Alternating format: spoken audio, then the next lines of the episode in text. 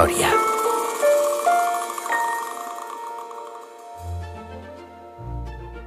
Fa molts anys es creia que el planeta Terra era el centre de l'univers i ningú no ho dubtava. Però van aparèixer persones com Copèrnic o Galileu que van dir que això no era així i que ells podien demostrar que la Terra donava voltes al Sol i no pas a l'inrevés. Alguns els van tractar de bojos i alguns altres fins i tot els van jutjar i condemnar. Però ara tots sabem que no deien pas cap disbarat, oi? Malgrat tot, hi ha descobriments que poden ser polèmics. Heu sentit alguna vegada allò que l'home i el mico tenen un avantpassat comú? Estem segurs que sí.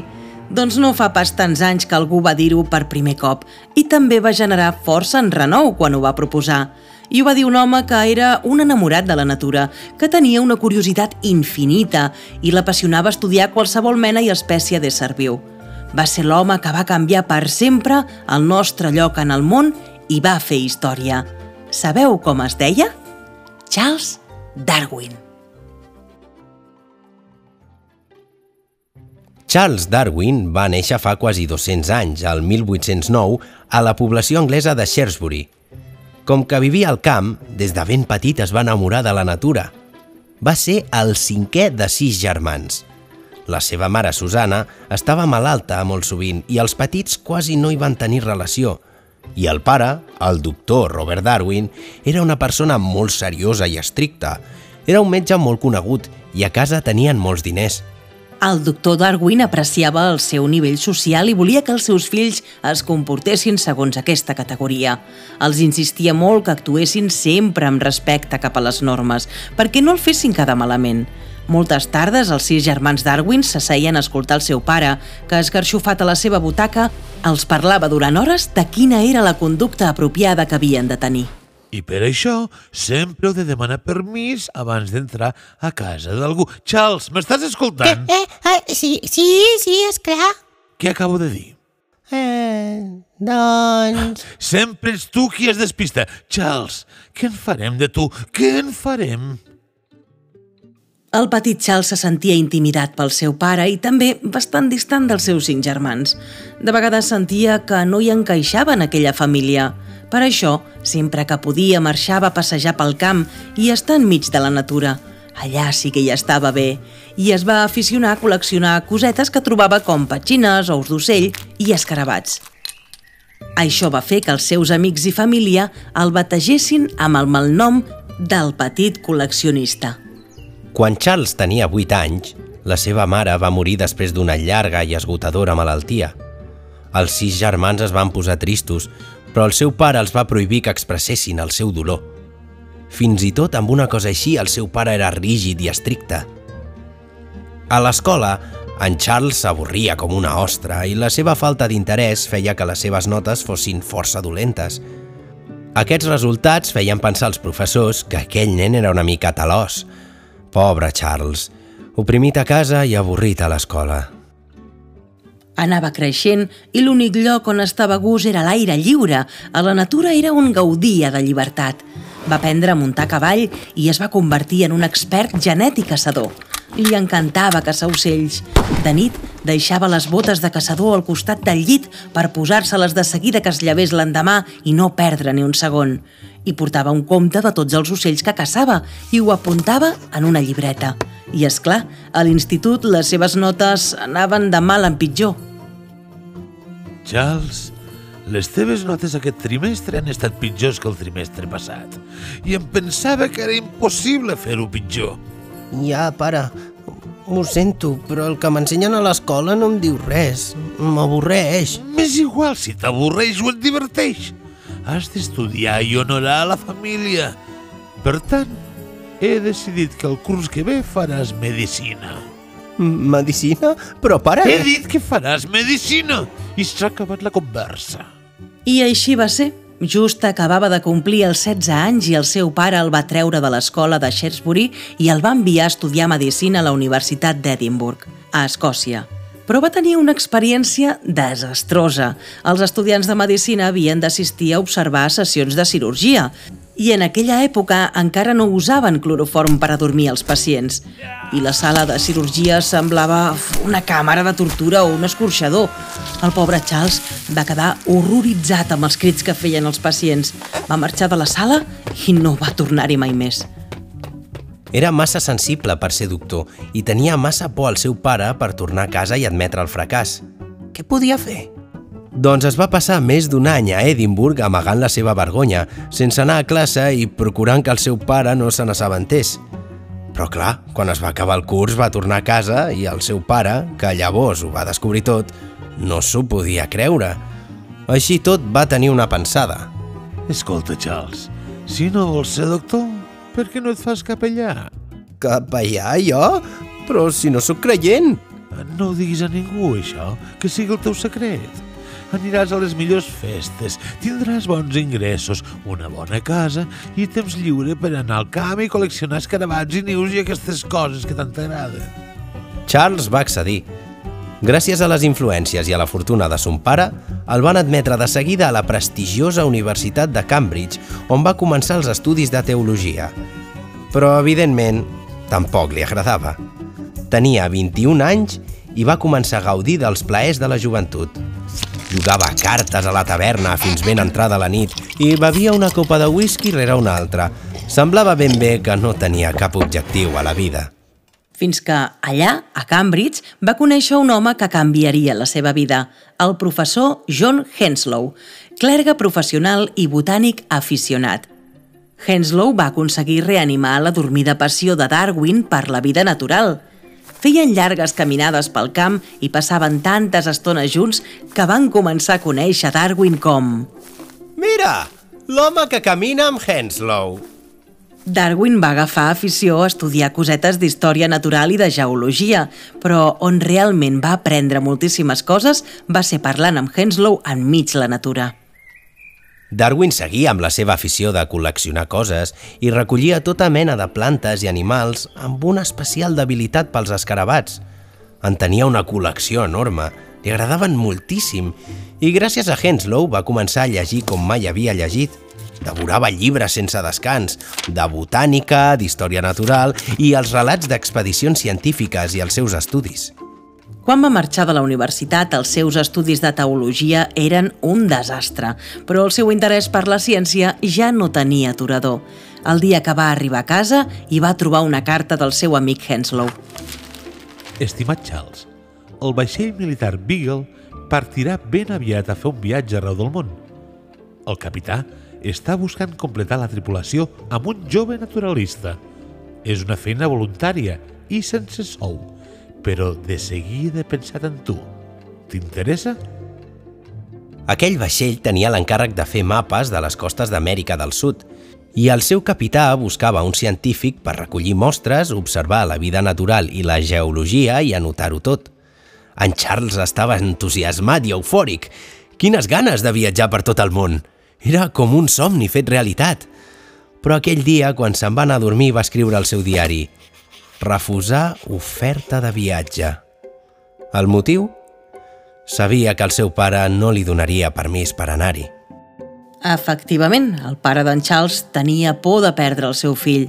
Havia vist com molts joves marxaven de casa per intentar fer-se rics, agafaven un vaixell i no tornaven mai més.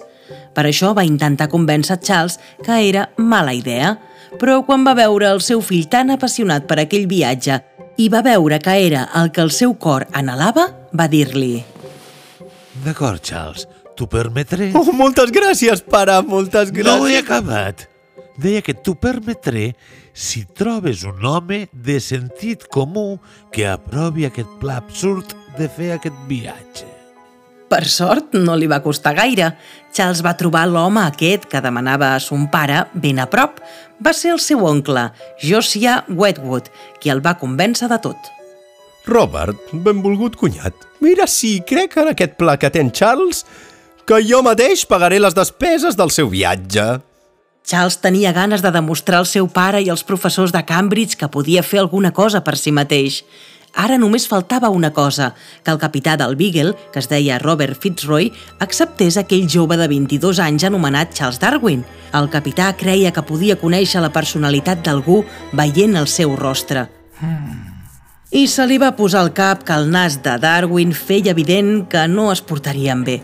Però la cavallerositat de Darwin i la passió que va mostrar pel viatge es van guanyar a Fitzroy. Benvingut a bord, Charles. Moltes gràcies, capità.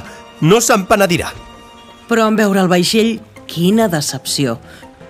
Només 30 metres de llarg i 8 d'ample. El Beagle era un vaixell força petit.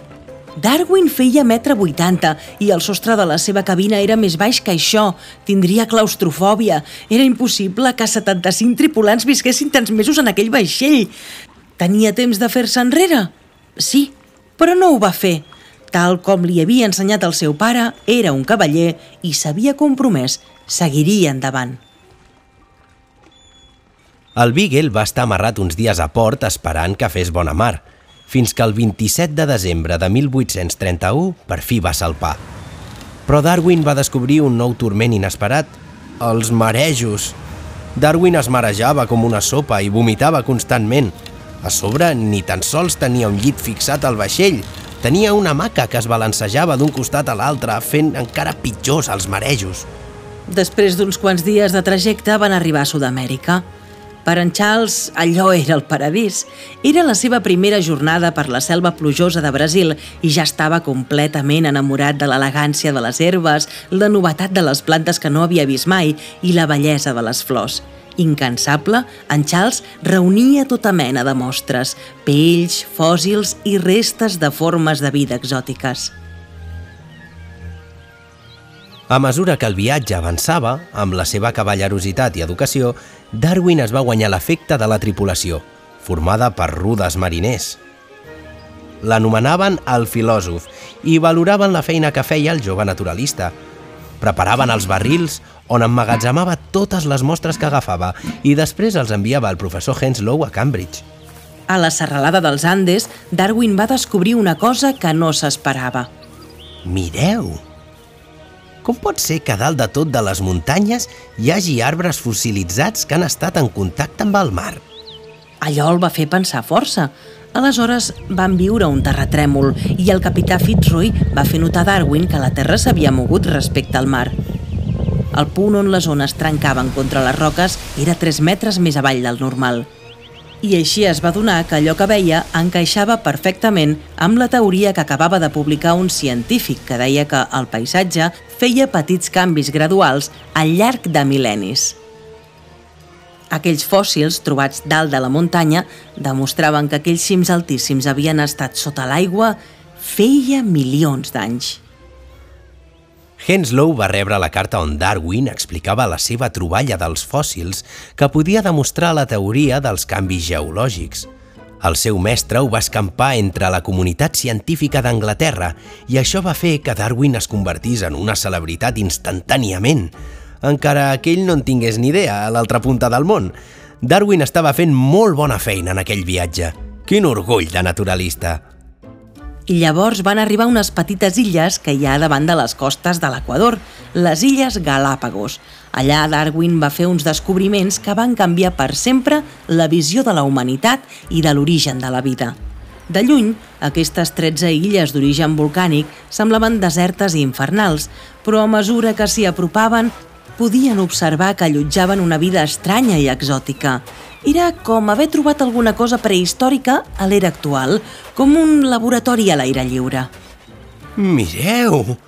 Gairebé cap ésser humà havia trepitjat mai aquestes illes i, per tant, els animals que hi ha no ens tenen por. És veritat, no marxen corrent. Estàs de sort, Charles. Els pots estudiar amb calma.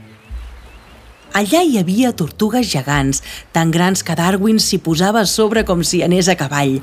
Era tot extraordinari i es va fixar que depenent de l'illa, la mateixa espècie d'animal tenia petits detalls diferents. Per exemple, es va fixar en unes aus petites anomenades pinsans. Hi ha 13 espècies de pinsans que només viuen allà i, malgrat ser quasi iguals, tenen costums diferents i el seu bec varia segons el que mengen. Com dius? Que són iguals però els canvia el bec? Sí, fixeu-vos-hi. Els que mengen llavors toves tenen el bec menut. Els que prefereixen llavors dures tenen el bec més gros i fort.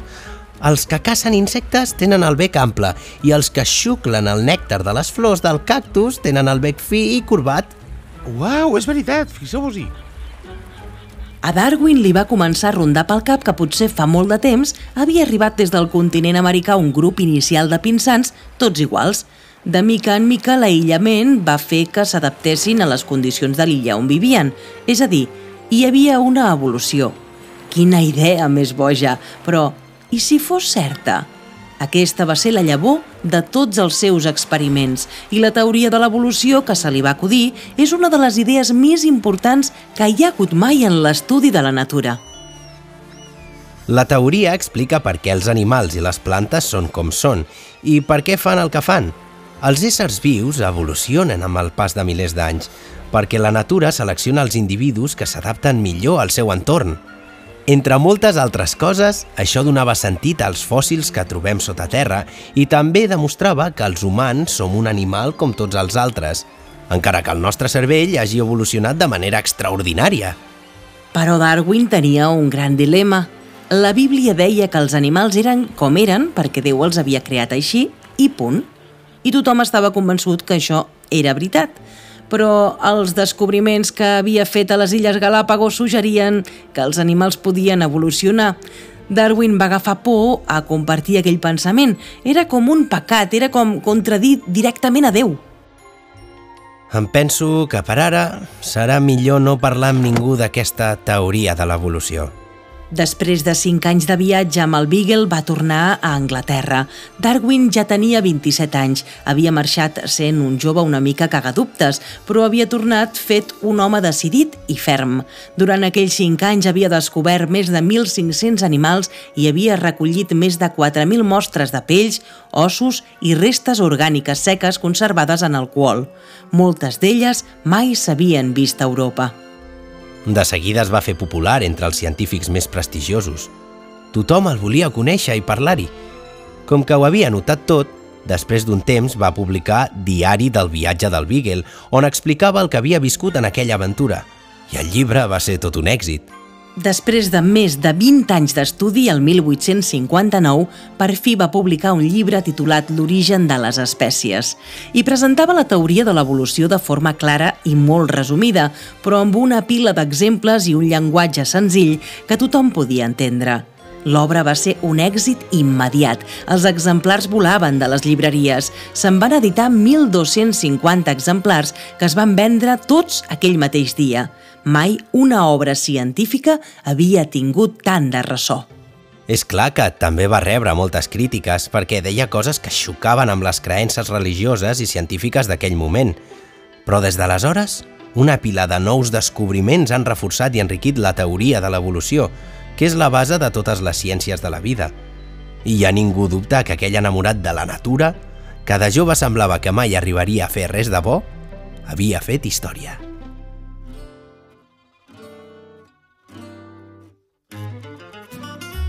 Si vols conèixer més sobre Charles Darwin, entra a petitsapiens.cat.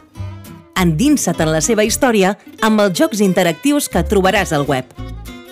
Van fer història, un podcast de Petits Sàpiens produït amb el suport de la Generalitat de Catalunya.